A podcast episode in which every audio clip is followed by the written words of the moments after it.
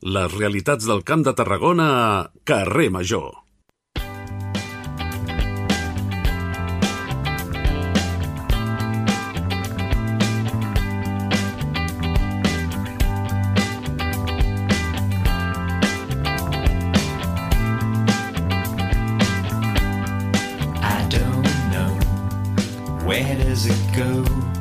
Doncs vinga, va, que passen 9 minutets del punt de les 5. Anem amb els nostres primers convidats. Anem a parlar de la protectora d'animals de Tarragona, de la seva lluita, del dia a dia per donar una millor vida als animals.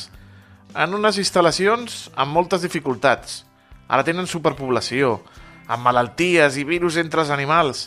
Estan passant uns moments força complicats per aquesta històrica entitat del Camp de Tarragona. Abans ho parlaven amb l'Anna, ja és difícil eh, el dia a dia d'una protectora, doncs ara és encara una mica més complicat. Per posar-nos al dia i conèixer la seva situació actual, hem convidat als estudis de Radio Ciutat de Tarragona a la presidenta de la protectora d'animals i plantes de Tarragona, la Núria Güell, i a un dels seus històrics voluntaris, en Josep López, als quals els tenim allà sentats. Benvinguts. Bona Hola, tarda. bona tarda. Com he dit, situació complicada. Com és la situació actual de la protectora, Núria? Bé, eh, la situació actual de la protectora és eh, de sobresaturació. Mm, últimament estan entrant molts, molts animals, tant gossos com a gats. Generalment en aquesta època pues, era una mica més baix el ritme perquè l'estiu és molt, molt fort, però ja a finals de setembre, octubre, la cosa es relaxava una mica, no hi havia tantes entrades, però enguany està sent però dramàtic, quasi diria jo, la quantitat de- d'abandonaments que hi ha, la quantitat de- d'entrades que hi ha.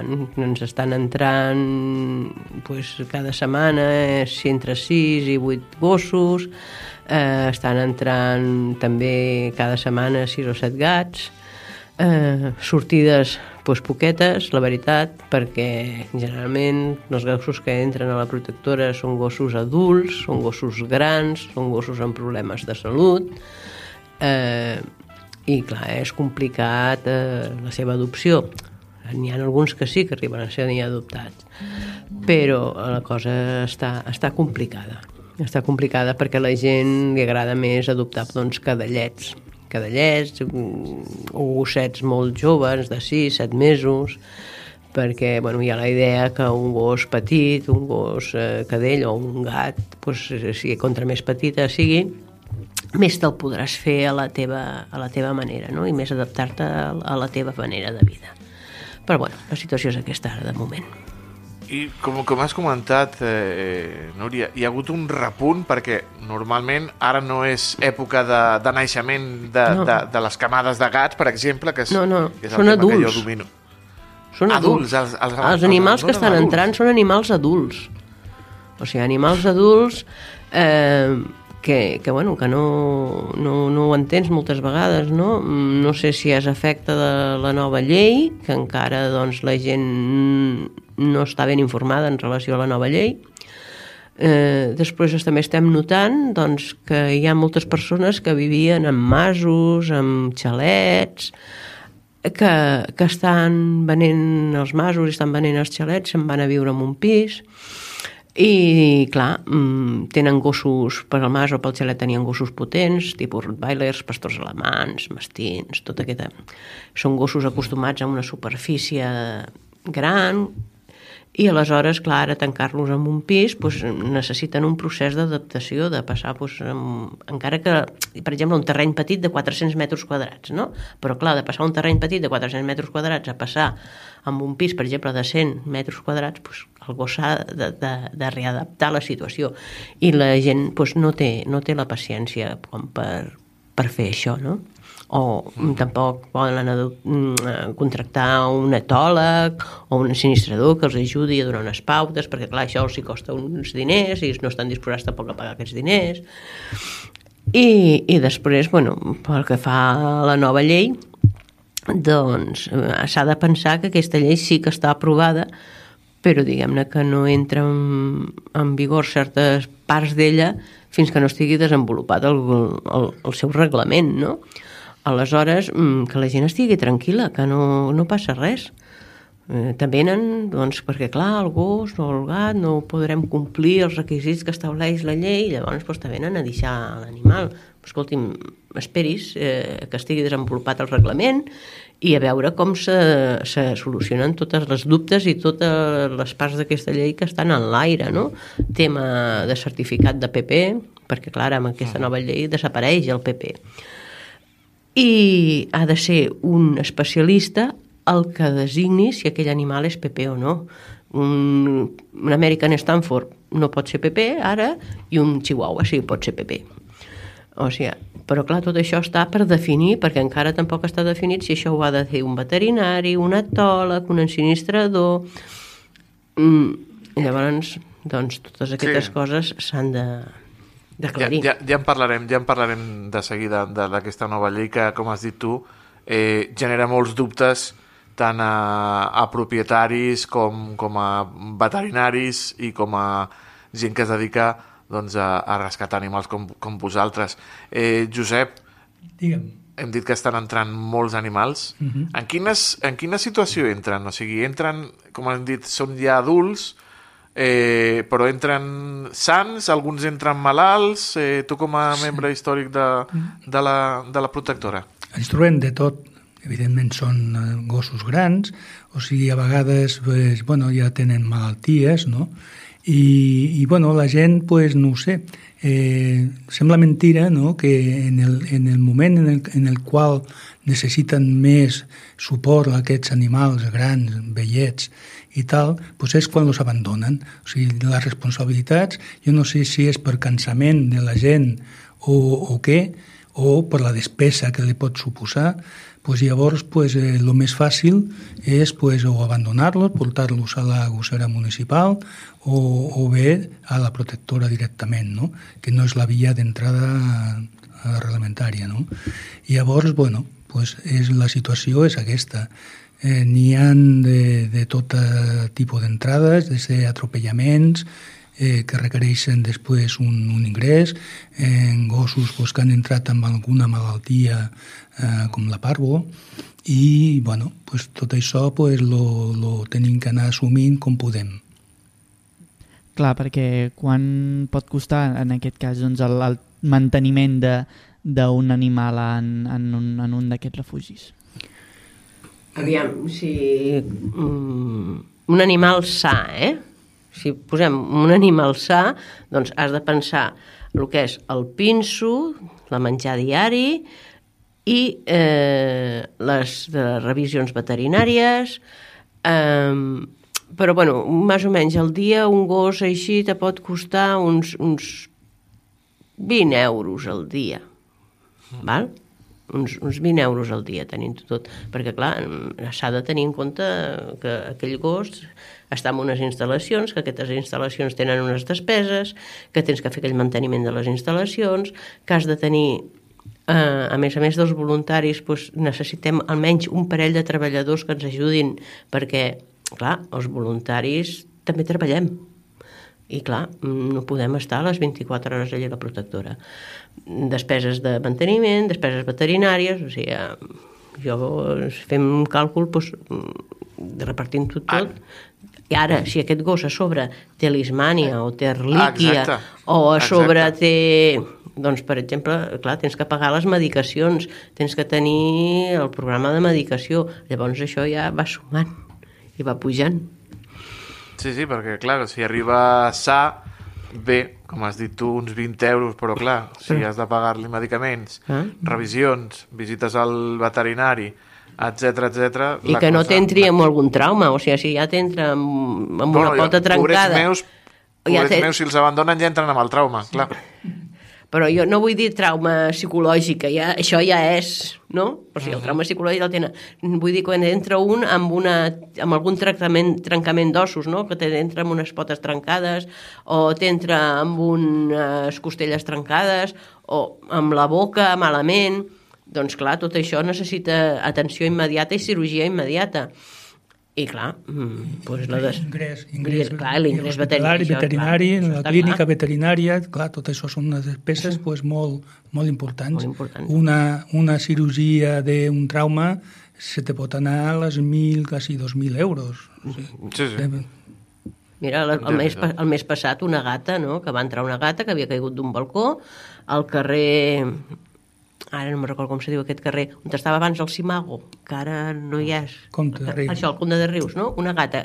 Et porten els de la gossera, una gata caiguda d'algun balcó del carrer Comte de Rius, poses eh, lletreros per tot arreu i aquella gata no és de ningú. A efectes de la caiguda es trenca la tíbia, el peroné i els metatarsos. Val? Doncs aquesta operació ens ha costat 1.125 euros. Va. Déu-n'hi-do, Déu-n'hi-do, déu nhi déu eh, Si no és pel treball de voluntaris, com has comentat, Núria, com el Josep, si no és tra pel treball de voluntaris com el Josep, ja podríeu baixar la persiana. Sí. Eh, Sí, totalment. Sí, totalment. quina, feina, quina feina feu, Josep, als voluntaris de, de la protectora? Bueno, n'hi ha diferents tipus de feina. N'hi ha les voluntàries que se dediquen a, a gats, no? Llavors elles el que fan és tot el, tot el manteniment.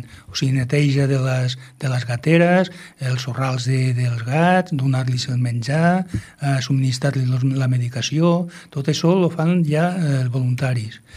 En quant a gossos, com tenim dues treballadores, eh, llavors eh, es dediquen més a, fer sociabilització amb els amb los animals, amb els gossos, no? amb les passejades. O sigui, és establir una connexió amb aquests animals, no? de, de, de que es trobin una mica pues, con algun, algun carinyo especial no? de cara amb ells. I llavors això ho aconseguim pues, fent aquestes passejades per, a- per l'exterior de la protectora. No? Eh, bueno, a banda també n'hi ha moltes més tasques a fer, no simplement la de cuidado de, de, la, dels animals, sinó que se han de fer tasques de manteniment, de, tenim voluntaris pues, que se dediquen, que li diem les manetes, no? i van fent pues, de petites reparacions que, que són necessàries, eh, s'ha de fer la neteja, manteniment de, de les instal·lacions i, i, i bueno, pues això a banda, a banda de fer pues, actes també eh, de visualització de, de la protectora, no? de fer-nos visibles, com som fent jornades de portes obertes, eh, anem també a les fires que es puguin fer, com ara per Nadal es farà la Rambla, eh, les paradetes, no? pues també anem allà. Eh, bueno, una sèrie de- d'activitats que per, per fer difusió de- de- d'aquests eh, animals que estan allà que, són, que sembla que són invisibles no? i pues, fer una mica de, de visibilitat d'ells I després una part molt important dels voluntaris són els que porten tot el tema de xarxes socials, que, que bueno, són gent més jove, que sap eh, tractar aquests temes i ens fan més visibles a xarxes socials. I, i després també hi tenim més temes de jardineria, perquè s'ha de netejar i fer el manteniment de jardineria, eh, voluntaris doncs, que, que, que pugen i baixen animals, de tema de gats, les cases d'acollida, sobretot és molt important també, tenim cases d'acollides i voluntaris que ens fan acollides de, de gats i gossos que entren i que, clar, per la seva eh, patologia doncs, no poden estar a la protectora o perquè són massa petits i no poden quedar a la protectora, doncs eh, és molt important també les cases d'acollida. Sí, perquè Núria, en aquest cas ja ho has comentat per damunt abans, però com afecta aquesta nova llei de benestar animal ja per anar tancant? Has comentat aquests PP, no? aquests gossos PP que són potencialment perillosos, Perillosos. però ben bé que, com afecta aquesta nova llei del benestar animal per anar tancant. Bueno, aviam, eh, aquesta nova llei, com està tan en l'aire, encara no acabem de, de tenir clar com ens afectarà. No? Una és aquest el, el tema dels PPs, després està el tema de les assegurances, que tampoc està clar.